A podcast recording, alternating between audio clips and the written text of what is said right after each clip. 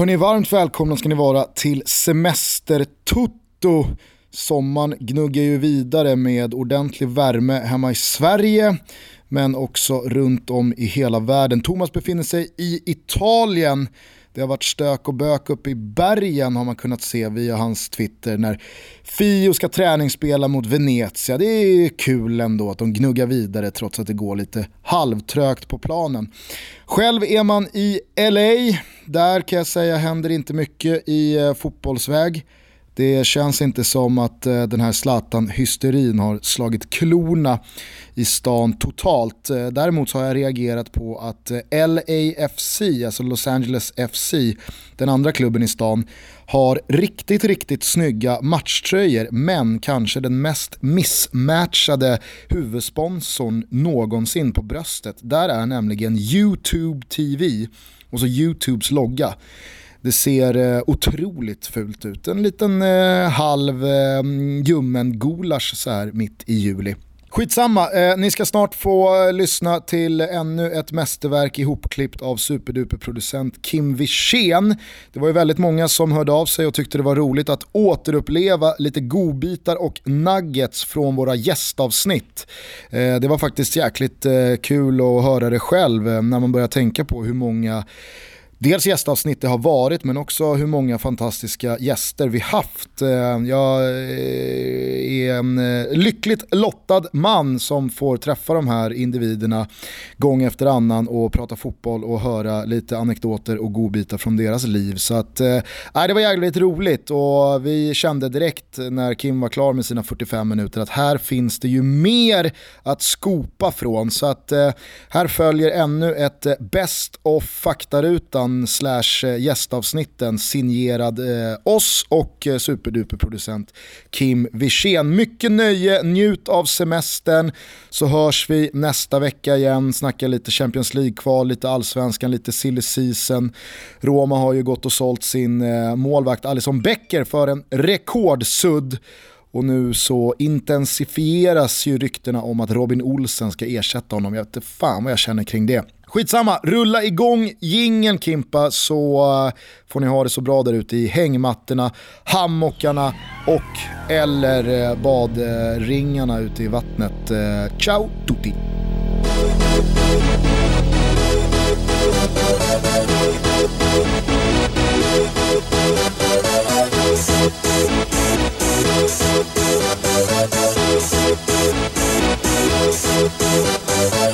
Y'all ready for this?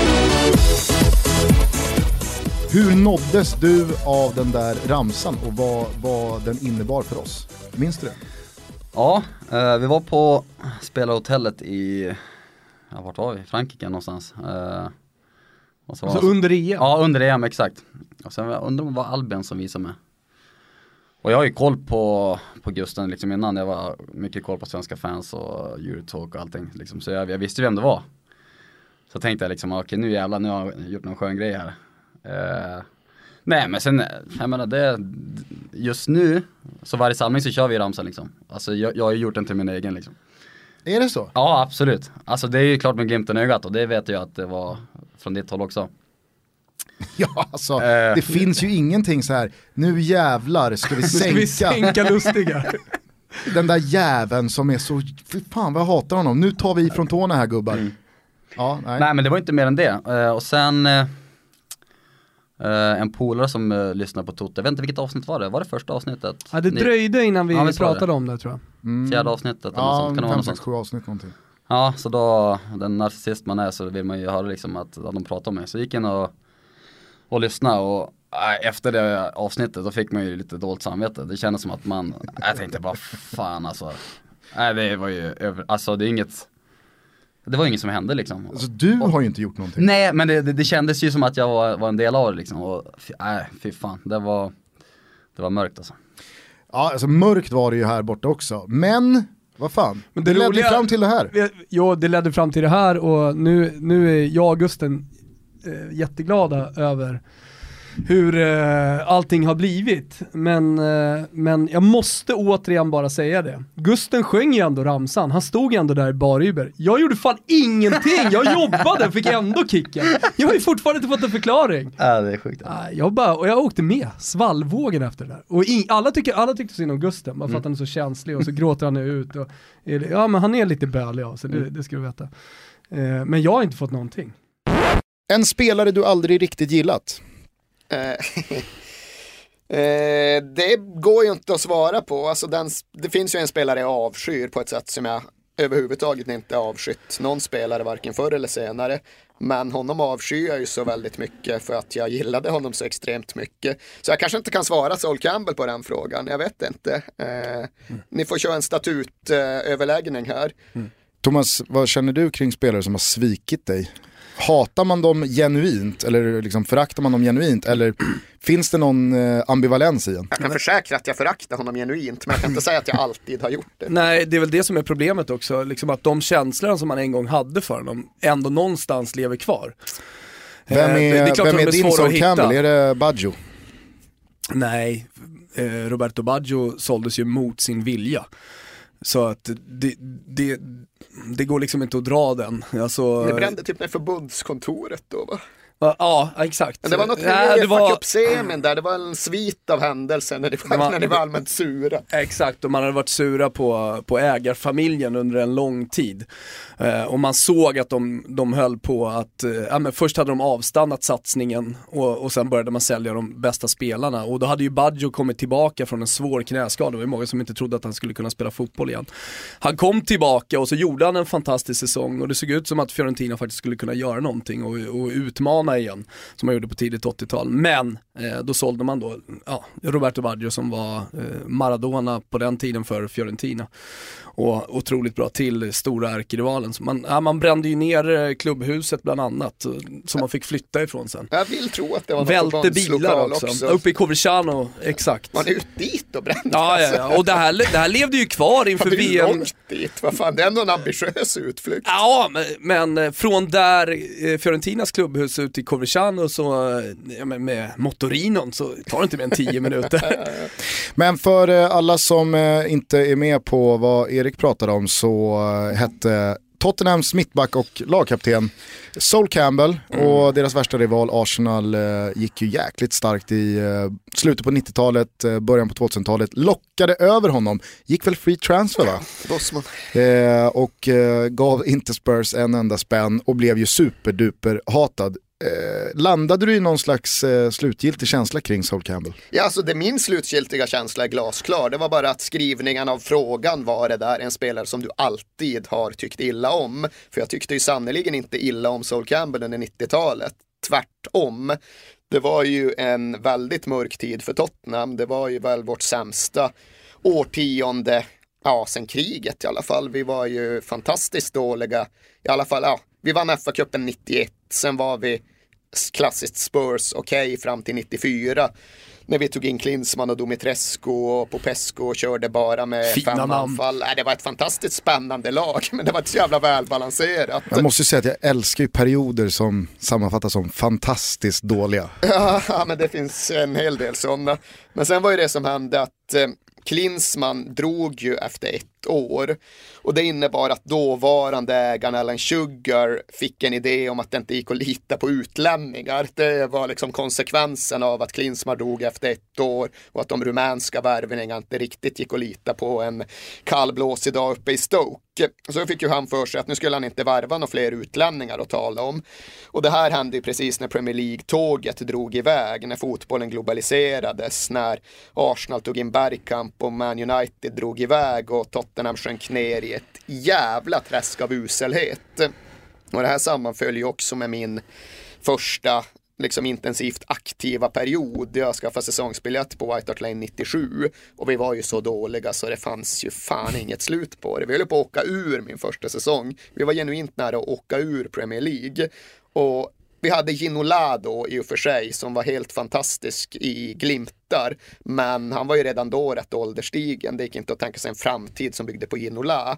Däremot gick det faktiskt att tänka sig en framtid som byggde på Soul Campbell. För han var det enda vi hade. Soul Hope for the Future som det hette i parollerna då. Och det var liksom allt vi knöt upp hela existensen på. Att det är för jävligt nu men det kanske blir bättre när vi kan bygga ett lag runt Sol Campbell. Åkte till VM i Frankrike 98 och var på fullaste allvar i mina ögon redan då en av världens bästa mittbackar. Och vi liksom hade ju bara det. Arsenal blev ju bättre och bättre. Wenger kom, de vann dubbel 98 de vann titel på titel. Men vi hade i alla fall Sol Campbell. Det var liksom det enda vi kunde klamra oss fast vid. Och sen går han som bossman till Arsenal efter ett helt långt jävla år då han har givit löfte på löfte på löfte. Ja, men jag ska stanna, det är lugnt. Nej, Tottenham-fansen behöver inte oroa sig. Skulle jag någon gång lämna Tottenham så blir det såklart en av klubbarna i utlandet. Mm. Och det var inte så att han saknade alternativ. Liksom, skulle han gå som bossman hade han kunnat gå till vilken klubb i världen som helst. Men nej då fan, han skulle gå till Arsenal. Han skulle ljuga sig igenom ett helt jävla år och fullborda det ultimata sveket. Ni kan ha er Figo-historia från Katalonien. I mina ögon kommer det alltid vara Campbell som definierar mm. fotbollsfalskheten. En spelare du aldrig riktigt gillat? Eller gillade? Nej, jag vet inte. Har du inte någon? Vem representerade det här i Göteborg? Ja, men typ såhär, någon, någon, nämnde Cristiano Ronaldo som har suttit uh, Han har aldrig på. riktigt kunnat ta till sig Ronaldo liksom. Ja. Eh, Niva, Niva sa Soul Campbell för att han svek honom så jävla hårt. Jag gillade ju aldrig riktigt eh, Jürgen Klinsmann. Jag vet inte varför, jag kan inte förklara det riktigt. Eh, men, men jag, jag gillade honom riktigt. Eh, Dennis Bergkamp som var en så här, fantastisk fotbollsspelare, det var inte min gubbe. Helt enkelt. Nej jag vet inte, nej det, det finns ju många som inte varit ens gubbe men inte speciellt starkt. Jag, nej jag kan inte säga att det är någon jag verkligen ogillar. Chiellini håller jag inte av Fast mycket. Alltså. Chiellini kan man ju Han är ju mäktig på ja. riktigt. Och Han har studerat ekonomi, en vinnartyp, alltid vinna sjukt trevlig vid plan. Det är så man ska vara ju. Lichsteiner är också Ja det är inte det mest sympatiska spelaren. Inte på, inte på men jag, jag, kan tänka mig att han har en riktig svärmorsdröm vid sidan av planen. Chiellini ja. Nej jag tänkte på Lichsteiner. Lichsteiner. Eller? Nej, jag tror att han är typ... Schweizare kanske är födda nej, nej, men det ska jag inte säga heller. Jag gillar, jag gillar framförallt, gillar Schweiz. jag gillar ja. Ticino. Det är en fin del, när, när Italien blir lite tyskt. Då, ja, då, då kan det kan jag absolut hålla med om. Alltså, men jag kan inte köpa att vi lämnar den här frågan obesvarad. Nej, men, någon spelare måste ju ja, fan haft ju, ett, ett ont horn i sidan mot. Alltså jag, nej, ja. Hade alltså, du någon ärkerival? Nej men grejen är att när vi kom fram så, när jag kom fram så spelade Allsvenskan så var fortfarande en det var mycket hårdare miljö att spela i och det var mycket mer här, folk jobbade bevis. Det var ju en, en del rätt hårt garvade, så man fick utstå del skit som ung spelare då. Och en spelare som absolut då, det ska jag säga, det var ju Thomas Ravelli som verkligen inte, han sa så mycket dumheter och gjorde så mycket dumheter i sina plan. Det är rätt märkligt att han blivit folkkär med tanke på vad han har gjort, egentligen så sett. Vad eh, kunde han göra då liksom? Ja, men, Vi alla minns väl eh, Pascal Simpson-kommentarerna. Eh, tror du på allvar att det var svarthuvud han sa liksom. Mm. Och jag menar mig kan han alla möjliga grejer och, och det var juniorjävel och reste upp och, men det var den kultur det var. Mm. Jag menar Hacke Andersson i Halmstad, första närkampen bara smällde han på oss, fan reser upp nu ska jag döda din jävel. Och då var jag såhär 17-18 bast man var, man bara va? Jag mm. fattar inte, alltså. Det Reste du dig upp? Såklart jag gjorde. Jag var inte den rädda typen direkt. Det var en annan jargong? Det var mycket hårdare på den tiden och det var ju eh, på, på det sättet äh, värre. Så att, och det var också när man kom upp inom, jag menar, det var fullt legitimt då när jag spelade i en A-trupp då som 17-18-åring. Dribblade, tunnlade jag en av de etablerade, då fick han sparka ner mig och så, så sa ingen någonting. Spelade bara vidare. Det var bara en del av så mm. det fick det vara liksom. Så Thomas Ravelli? Det här, ja men han, ja, han gjorde, han gjorde, och så sett till den status han har i Sverige så är det märkligt att någon kan komma undan. Hade det varit idag, om man hade spelat in det där så hade han ju varit, han var ju sexistisk, han var ju rasistisk. Så I stundens hetta, bredvid plan har han ingen aning, han var skittrevlig, men på plan var han en gris. Tillbaks till ramsan känner jag, mm. eh, bara kort eh, snabbt. Jag fick ju liksom så här, ja, men lite halvt luddigt till mig då via Discoverys ledning här som, som, som skickade iväg mig och Thomas ut genom dörren. Att liksom så här, äh, men det här, det, här, det här har varit uppe på det, alltså, Svenska fotbollsförbundsnivå och det är en direkt order från dem. Alltså var det någon som blev upprörd över den där ramsan hos er? Nej, alltså alla, vi skrattar åt den liksom. Alltså det, det, det är en skön ramsa liksom. Ska, det är det. ska, ska vi bränna av den eller? Ja, kom igen. Ja. Han springer längs kanten, han har nummer två, han spelar i Celtic, är usel ändå. Han skruvar in bollen, där inne står Zlatan. När inlägget kommer så är det för långt. Micke Lustigare, Micke Lustigare. Att man har fått dojan av den. Nej, det är sjukt, alltså Ponne kommer vara så glad när han hör det. Alltså. Ponne! Ponne! Eh, mäktigaste numret du har i din telefonbok? Ja, eh, det finns ju många liksom från fotbollsvärlden där Eh, men det är klart, jag, det var ju, jag hade ju något äventyr med Nakata eh, här i, i stan. Vi hade ju kontakt ett tag eh, inför VM där borta i Japan och Sydkorea. Det tycker jag var häftigt. Hur fick du hans nummer? Hidetoshi Nakata, mm. gamla Roma och Parma mittfältaren. Exakt. Trekvartist. Ja men det står ut lite grann därför han var ju liksom på något vis eh, tillsammans med Beckham de två stora ansiktena inför det mästerskapet och eh, han var ju i Stockholm då Eh, Eh, det var återigen Ola Wiklander som hade snappat upp honom på en Parma-träning och då var han på väg till Stockholm och då sa han kan, kan jag hooka upp med någon i Stockholm och gå ut en liten sväng på stan. Och eh, då umgicks vi här i ett par kvällar i, Stockholm och eh, som sagt höll lite kontakt. Hur, hur var de kvällarna? Hur var han? Ja, det var en rockstjärna alltså. Det, herregud, jag hade försökt ta på mig det spaceigaste. Jag hade i min garderob något som jag hade hittat för 29 euro på någon marknad i Florens. Det höll inte riktigt måttet när jag mötte honom i en hotellfoajé här i Stockholm. Det... Och då ska man ändå säga att det känns som att det spaceigaste i Jesper Husfeldts garderob är ganska spaceat. Ja det kanske på sämre år, eller senare år. Eh, på den tiden så fanns det nog inte så mycket spacet. Det var mm. nog spacet på fel sätt i sådana fall. Okay. Det kanske fortfarande är för övrigt men Ja, det var i alla fall low budget så det sjöng om det. Och eh, Nakata eh, dök upp i den här hotellfoajén i ett par eh, stövlar upp till knäna, ett par tajta svarta jeans, någon eh, Dolce Gabbana skinnpaj som måste ha kostat liksom 50-60 tusen. Och sen hade han var ju ganska liksom slimmad hela han, både kroppen och ansiktet. Så det, det satt ett par tunga solglasögon på de här kindbenen redan när han kom ner i eh, foajén och det bara ryste till i kroppen när jag fick se honom första gången. Han såg jävligt cool ut. Vilken jävla press det måste varit på dina axlar att nu, nu är det dags att leverera här Jesper. Stockholms nattliv. Liksom. Var tog du honom? Eh, vi var faktiskt ute en liten sväng på, jag lyssnade lite grann på hans önskemål och vad han ville göra då. Och ja, först så var vi på Sturehof sväng, käkade lite grann, eh, lite skaldjur och så bara en liten förtallrik som var uppe på gondolen och käkade en lite större tallrik. Eh, Jane Björk dök faktiskt upp då för att eh, hon hade fått reda på att han var i stan så hon var där en liten sväng och hälsade på. Och sen så försvann vi ner på Café Opera. Och den första vi stötte på vid spelbordet där är Zlatan av alla. Eh, han var inte speciellt eh, stor på den tiden, det var ju 2002. Eh, jag tror han hade någon vit polo på sig och, och Zlatan kände igen Nakata. Jag tror han kände igen mig också, kom fram och liksom du, eh, är det han? Ja, ja, det är klart det är han. Du, Men det här är en annan värld. Ja, skulle jag kunna få snacka med han lite grann? Löser du det? sa han. Ja, absolut, så jag. Så, så vi gick fram till Nakata där och ja, vi har en svensk kille som spelar i Ajax här nu som kommer bli en stor stjärna i framtiden. Han heter Zlatan, så vi pratar med dig lite. Så han var ju väldigt liksom ungdomlig på den tiden och bara smög fram så de fick ju hälsa på varandra och ja, det kändes som det var stort för, för Zlatan på den tiden. Så att det här är på, vad sa vi? 2002. Ja men på, vilket ställe är vi på? Då är vi på Café Opera. Du, Hidetoshi Nakata, Zlatan Ibrahimovic och Jane Björk. Ja, Jane Björk hon har åkt hem. Sitter med ett helrör på Café Opera. Det är ju... vi, vi hade inte råd med några helrör faktiskt, men, men ähm, Jane hade försvunnit. Men det var i alla fall jag, Nakata, Zlatan, hans polare och ett par polare till mig. Minns jag fel eller eh, efter avslutad karriär stack Nakata ut på någon sån här backpackerresa för sig själv? Ja det gjorde han. Det är ju många... Odlade skägg gjorde han så han inte skulle bli igenkänd. Ja men det är ganska häftigt det där. Det finns ju rätt många spelare som, som är vanliga människor i grund och botten.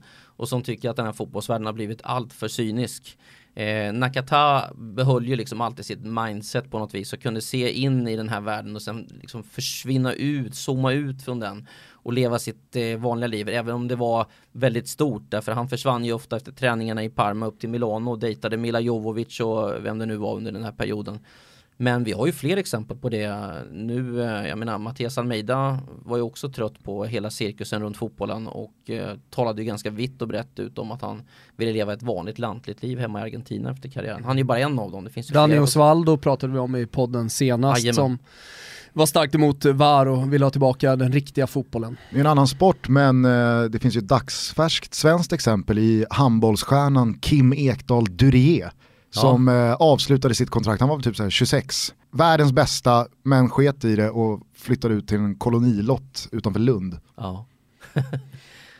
Björn Runström som är våra kompis, han slutade också ganska tidigt och, och gick tillbaka till ett eh, liv liksom utanför strålkastarljuset. på På tal om Montella, superpolare med Montella. Ja. Kommer det sig? Ja, de är nog bästisar. Eh, där kommer jag också in lite i bilden därför Björn och jag har ju alltid varit kompisar och eh, ni som gillar liksom den här typen av konstellationer då. Eh, jag var ju i London en repa och en gång och besökte Björn och eh, han spelade tillsammans med Montella i Fulham. Mm. Eh, och de började umgås direkt, båda snackade italienska, kände sig hemma med varandra och Björn hade Alexander Skarsgård där eh, på besök. Och Montella älskar ju Zoolander eh, filmen. Så han trodde inte sina ögon när han för första gången fick se eh, Skarsgård på en av de här luncherna i de där distrikten runt eh, Chelsea. Eh, så det var hypersuccé kan jag säga när de möttes första gången. Vad hade vi för konstellation där då? då? Eh, det var nog Björn, det kan ha varit Sulan, hans bästa kompis, Anders Sulisalo. Det var jag, Skarsgård och Montella på den där lunchen. Och sen så vart det ju en hel kväll då tillsammans med lite restaurangbesök och sådär. Och... Och så Jane Björk. Nej, hon dök aldrig upp den gången hörru. Vi är sponsrade av Stay Hard och vi säger ett stort tack till grabbarna bakom Stay Hard. Det finns ju en anledning till att Stay Hard har blivit Sveriges största modebutik på nätet för män. Det här är killar som är ambitiösa, de har blivit våra polare nu och eh, de har växt med tiden och eh, det finns hur mycket som helst nu på deras sajt eh, för alla som är sugna på att shoppa lite härliga kläder. Precis, och det är inte av vilka märken som helst. Där finns Calvin Klein, Filippa K, Hope, Nudie. Levi's, Lylan Scott, Cheap Monday. Vans, Morris. Rulla! Och som ni kunde höra i eh, förra avsnittet så är de även otroligt rappa vad gäller leverans. Är det så att man lägger en order på en vardag innan klockan 13.00 Ja, då har man otroligt eh, goda möjligheter att få sin beställning redan dagen efter. Det är så det ska vara. Max så får man det två dagar senare. Ja, och det är faktiskt svårslaget där ute. Bland de olika shoppingsajterna. Verkligen, så nu tycker jag att alla som är ute efter en ny träningsbyxa eller en skjorta eller ett par shorts eller ett par eh, briller. Eller som ett jag par... precis klickade hem Gusten. Nya vita sneakers. Ja, det är ju väl eh, högsäsong för dem. Mm. Ni gör så att ni går in på stayhard.se, ni använder er av rabattkoden TUTTO, då får ni 20% på ordinarie prissatta eh, plagg. Och sen så plockar ni ut de här antingen imorgon eller i övermorgon och så får- har ni en riktig jävla kanonsommar. Och så när ni får det här paketet så kan ni bara tänka tack Stay Hard, för det gör vi. Toto Valuto är sponsrade av Viaplay och nu undrar jag så här Thomas Wilbacher, hur många avsnitt har du hunnit kolla av Mad Men? Jag har fortfarande bara sett fyra, vi pratade med varandra lite tidigare. Eh, däremot så är jag fast, det är av andra anledningar. Eh, framförallt då att man är med barnen hela tiden och hittar på andra saker och sen somnar jag så jävla tidigt på kvällarna när jag lägger Florens. Eh, och då har jag liksom, vet du vad jag har som rullar i huvudet? Nej. Det är Marsha och björnen som jag sagt tidigare, men också My little pony, my little pony. Ja, Det, det här ska ju vara liksom en spot där vi liksom eh, hyllar någonting. Men jag kan väl säga som så att om man vill vara lite fri och att barnen ska göra någonting annat, då hittar man allt på Viaplay och i deras barntjänst. Kanske det är värt att jinglarna fastnar på näthinnan. Jag tror det, men jag gör i alla fall barnen glada. Ja, ja, eh, härligt. Eh, själv så är jag helt eh, lamslagen av Don Drapers coolhet, alltså Så jag huvudrollsinnehavaren tror också John så här, Hamm. så här det, det, är väldigt många som har sett Mad Men. Jag tror, jag tror att i och med att du är så sen på den här bollen, att vi inte ska fastna så mycket vid just Mad Men. Kanske inte, men det finns ju en oändlig eh, skatt av eh, både serier och filmer att kunna grotta ner sig i mysiga sommarkvällar som dessa. Hur som helst, nu ska jag inte vara sist på bollen här heller, men alltså om jag ska rekommendera en serie, en svensk serie, många gillar det, min tjej älskar de här svenska deckarserierna, då rekommenderar jag varmt Modus. Alltså där kan ni ligga några sommarkvällar och mysa ihop er i sommaren på landet eller var ni nu befinner er eh, och bli lite sådär uh, pirriga i kroppen. Ni förstår ju själva att det finns en hel del fotboll också hos Viaplay, men det kommer ju om några veckor, så att passa på här nu att gå igenom det enorma utbudet av filmer och serier som Viaplay erbjuder. Toto Balutto säger stort tack till Viaplay för att ni är med oss. Tack! Tro inte att våra polare på Betsson ligger på latsidan bara för att det är sommar. Matcherna står ju som spön i backen. Det är träningsmatcher och det är Europa League och Champions League-kval och det är allsvensk och superettan och division 1-fotboll som eh, duggar tätt när regnet lyser med sin frånvaro. Så att eh, in på Betsson.com, har ni inte konto så tycker jag att ni ska registrera er. Och sen så knoppar ni ihop ett par fina kuponger. Alternativt då testa deras nya tjänst Betbilder där man alltså kan skapa en egen multipel i en och samma match. Tidigare så har man inte kunnat kombinera eh, olika spel från samma marknad med varandra. Men det kan man nu via Betssons nya smarta funktion Betbilder. Till exempel så spelar ju eh, Hammarby mot Dalkurd på måndag. Där är jag lite sugen på att bygga ihop med en trippel där jag tror att Bayern till slut vinner med två mål, att de gör första målet i matchen och att eh, Jiloan Hamad vaknar efter en eh, lite, lite trögare period och återigen hittar nätet. Så att eh, den trippen kommer jag jobba på måndag kväll. Vad gör ni? Skicka in eh, era eh, kuponger i hashtaggen Toto-trippen så kan vi ju kanske rygga varandra. Eh, vi vill i alla fall rikta ett stort tack till Betsson för att ni ännu en vecka är med och gör Toto Balutto möjligt. Puss till er. Innan vi kommer in på lyssnarfrågorna, jag måste fråga, Kina-vistelsen. Mm. Väldigt anonym i svensk eh, media. Hur var den? Ja, min, min Kina, Din Kina-vistelse. Kina-vistelse. Håller du med om det? Eh, ja, det var anonym men den var jävligt kort också. Så det var ju liksom, eh, jag var i Kina i fyra månader bara. Eh, lärorik. Eh, har inte skaffat mig några kinesiska vänner för livet och eh, intressant att, att vara med om slagsmål på fotbollsplanen ungefär så. Alltså det, det är en helt annan värld. Handen på hjärtat, hur många procent var cashen varför du gick dit? En stor del givetvis. 90? Ja, kanske 80. Nej, men alltså någonstans i det hela så, så var det så här. Vi, vi, vi hade gjort ett fantastiskt år med Malmö. Vi hade gått till Champions League. Eh, Malmö hade fått in extremt mycket pengar. Eh, där och då var det någon klubb som skulle köpa mig för en viss summa pengar. Eh, europeiska klubbar tyckte kanske inte att jag var värd 20 miljoner. Eh, men det tyckte kineserna. Eh, eller vad det nu än var i transfersumma. Så att jag menar, det, det, då öppnades ju den marknaden för mig personligen. Mm. Eh, och de kom tidigt in i bilden och jag avvaktade och sa att jag inte är så intresserad. Eh, sen så var det liksom genuint intresse, kom och kolla. Sen var de på, på Friends och såg när, när vi, vi tog SM-guld mot, eh, mot AIK där uppe och jag gjorde 1 plus 1 och, och det var en bra match från min sida. Och eh, sen dess så då var det liksom, då skickade de kontraktförslag och då var det bara full rulle. Jag antar att du inte vill eh, berätta exakta summor och sådär, men mellan tummen och pekfingret, vad pratar man om för skillnad? Är den enorm? Enorm, ja. Enorm skillnad. Det är väl kanske, det är mer än, än tio gånger mer än vad jag har här netto. Det är mycket. Du har i alla fall koll på brutto och netto, det är bra. Ja det är bra. Jag försöker lära mig. Har du hört den om eh, Erkan? Jag drar den jävligt ofta. Ja, det här, eller? Nej men eh, Isak, min brorsa, Ja. de spelade ju med Sengin i Bayern några år. Okej. Och sen så när han var som hetast där så ville ju Bayern förlänga med honom så Ja. att de skulle kunna mjölka ur en bra eh, transfersumma. Så kom han ut från kansliet när han hade skrivit på ett nytt treårsavtal. Och så träffade han Isak och sa, "Eh, jag skrev på. Alltså, det är... Men du, vad betyder netto? Jag har ingen aning. Har ingen aning om vad ne- netto eller brutto betyder. Men du Isak, vad betyder netto? Ja. Det, Du har skrivit på alltså? Ja, ja. ja, det, det- känns som att det var en eh, bra affär för Bayern. Ja, det, får man säga. Men eh, vad, vad, alltså, vad fan hände i Kina då? Varför blev det bara fyra månader?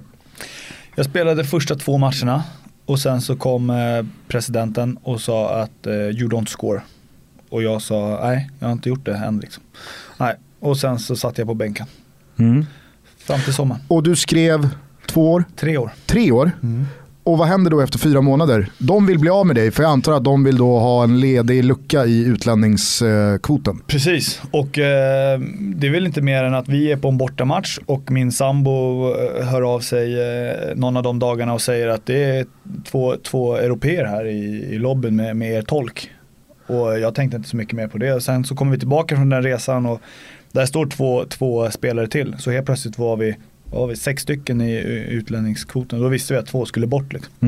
Men jag tänkte att det är, väl, det är väl upp till dem att komma och det var ingen av oss utlänningar som har varit speciellt bra. Eh, Jag och en polack som, som sede- sedermera spelade från start i EM sommaren efter. eh, Vem då? Krzysztof Maszkynski, någonting sånt. Spelade alla matcher i, i eh, EM där. Eh, vi var väl de som kanske hade rosat marknaden minst. Men det var ingen av oss utlänningar som har varit speciellt bra. Så, att, eh, så vi gick väl, alla, alla vi utlänningar gick väl egentligen och väntade på att det här första samtalet att liksom så här, bör se det om eh, för en ny. Men det gick alltså nästan två, tre veckor innan, eh, innan tolken kom efter någon regnig träning där och sa att eh, maybe it's better if you find a new club. Liksom. Och, Och tolken skickar de fram och kör. Ja, tolken skickade de fram. Så sa jag så här, "Ja, jag är lycklig här och sen så gick jag i princip. Och sen så började den här lilla processen. Man får ju spela lite svårare ibland också. Men då, då löser de dig från ditt kontrakt eller? De löste mig eh, på ett väldigt bra sätt. Eh, sett till att de fick en viss peng i, i transfer från min nästa klubb och, och det fick de ju från Bröndby då. Ja. Så att det blev ju eh, win-win på många sätt. Ja precis, de, de fick som de ville och det blev inte, alltså för deras egna pengar så blev det inte så dyrt utan det fick de in lite från Brandby och de pengarna hamnade i din ficka i slutändan. Precis, det blev ju en bra, en bra eh, mix där. Samtidigt så köpte de en för, jag vet inte exakt hur Men de köpte ju inte ut hela kontraktet, man möts halvvägs någonstans eller? Någonstans där, ja. Ja. Och, och sen, så, men sen så samtidigt får ju de lite transferpengar också. Så att det blev ju, men de, det är klart som fan att de torskade pengar på den här svenskan, det kan jag säga. Ja, Jo, men jo. då måste ju, eftersom du inte trivdes till 100% då, efter, efter fyra månader så måste det blivit en jävligt bra lösning för dig. Där fick, Ja, jag, jag blev... Jag blev och så fick du Bröndby och lön i Bröndby. Ja, ja, liksom. precis. Nej, det blev ju jättebra. Jag kommer ihåg att första, när de kom första gången så var det så här, du vet, nej, men då sa vi så här, men nu krigar vi på liksom. Jag och sambon sa det, vi gör det bästa av det här liksom. Så vi krigade på, det var inget mer med det. Men sen kommer jag ihåg att första gången som som det började liksom lösa sig och, och presidenten kom och sa att liksom så här, alltså vi gör att det är fritt för dig att åka hem i väntan på ny klubb. Eh, och så får vi liksom så här, du får 30 dagar på dig, löser sig inte får du komma tillbaka. Och när jag fick höra den meningen så började jag så här, jäklar vad jag började längta hem då. Då, Ja. då var det så här, nu är jag nära. Ja, men då blev det konkret. Då blev det konkret. Så att, eh, nej så att det var, men eh, ja sen fick vi ju, sen flög hon hem hos eh, presidenten där i, i Var det en hon? ja en hon i business class och, och hon, var, hon ställde upp på, på alla plan så hon ska ha ett stort tack för det faktiskt. Så att eh, bara... Mäktigaste numret i din telefonbok, kanske är det hon. Ja, som heter Lady Boss på min mobil. Lady Du Boss. ser, vi hittade det till slut. Lady Boss, det är fan det Ja. mäktigaste numret. Vi ska fan ringa Lady Boss. Lady Boss ja. Nej, men, eh, en snabb överslagsräkning då i huvudet är typ så här. För fyra månader gjorde du ett och ett halvt år. Eh, ja, 1, ja, en, en, ett, ett år och ja, 14 sägs, ja, 16 månader då, kanske. Mm. Snyggt, snyggt. Jag har räknat lite på det där så jag har hyfsat koll. Ja, det, det förstår jag. Vilka språk behärskar du? Skotska och svenska då, norska. Pratar du norska eller svenska när du är i Norge? Nej, alltså, det- Jag skulle kunna växla till norska bara. alltså följer det då? Du, du låter... det var dåligt alltså. Nej, det var inte dåligt. bra. Eller jag ingen aning. Eller? Nej, såklart. Jag, nej, såklart jag pratar, pratar svenska. Absolut. Helt klart. Helt klart. Det är inte som när Backe växlas till danska. Det finns inte en möjlighet. Du sa ändå skotska. Ja. eh, Skiljer de sig liksom så mycket ja, dialektalt? verkligen alltså. Jag var, i Newcastle och träffade Sebbe eh, för ett, ja, ett år sedan. Nu har de i och för sig speciell dialekt där uppe också men nej, jag skulle kom till hotellet, jag fattade ing, alltså inte ett ord de sa. Så jag kollade bara på min fru liksom, vad, vad, vad säger de? Och då har jag ändå bott i liksom, Skottland i fem år. Så att eh, Kan du inte ge ett exempel på hur, hur det låter? i Skottland Ja. Mm. eh, Ja men det, det, det är mest ord liksom. Så yes säger de I. Mm. Eh, kan vara mer uh, bankcard, alltså bankkort. Så är det bankcard. Så det är mycket sånt där liksom. Så, men har, har du Man inte hört- vet att det går bra Men för Lustig när andra ordet han ska översätta är bankkort. Eh, tredje, Det är- klocka. Sen är samma sak, vi säger Rolex, eh, men de säger Rolex. Aston Martin säger de. Aston Martin. Äh, men det, det är mycket slang. Eh, så att, eh, Så om du kommer ner till träningen och säger så här, tjena gubbar, fan idag måste vi träna på lite extra hårt. På engelska, hur låter det då? på, eh, på skotska tänker du? Ja, hur låter det? Ja. Alltså jag, jag, jag, jag snackar ju min, min, jag, jag snackar inte skotska liksom. Nej okej, Du springer Så- bara runt och säger bankir. Ja exakt. Eh, men det kommer in lite sådana ord. ja nej. absolut, bara för liksom, alltså going home säger man ju. Men Mm. de säger going hem. Och det gör du också. Ja, så det är oftast liksom om, om det är någon som kommer in med liksom sköna kläder då, då är det liksom you're not going home. Är du tatuerad? Ja, tyvärr. Om ja, vilken var din första gadd? Jag har en enda. Härligt. Jag älskar att det kommer ett litet tyvärr också. Ja. Vad nej, vi här det, nej jag tänker inte berätta vad jag har. nej jag skojar. Jag, har en, jag gjorde det här 1995, det ska jag Det säga. luktar ju tribal. Ja det är ju tribal och det är ju före hela den här eran. Men det måste, man måste ha klart för sig, ingen Snowboard. Mm, ing, det. exakt. Och ingen i skolan var ju tatuerad. Eller det var några som hade Tors hammare på axeln. Du vet vilka typer det var. Ja, exakt. Och sen var det inga andra som tatuerade. Och det var ingen fotbollsspelare som tatuerade. Däremot var Dennis Rodman i basket och han var lite cool tyckte man ju då. Som han satt tyd och sådär. Ja, och jag är glad att det stannade för jag hade idéer om fler. Men så liksom besinnade jag mig något år.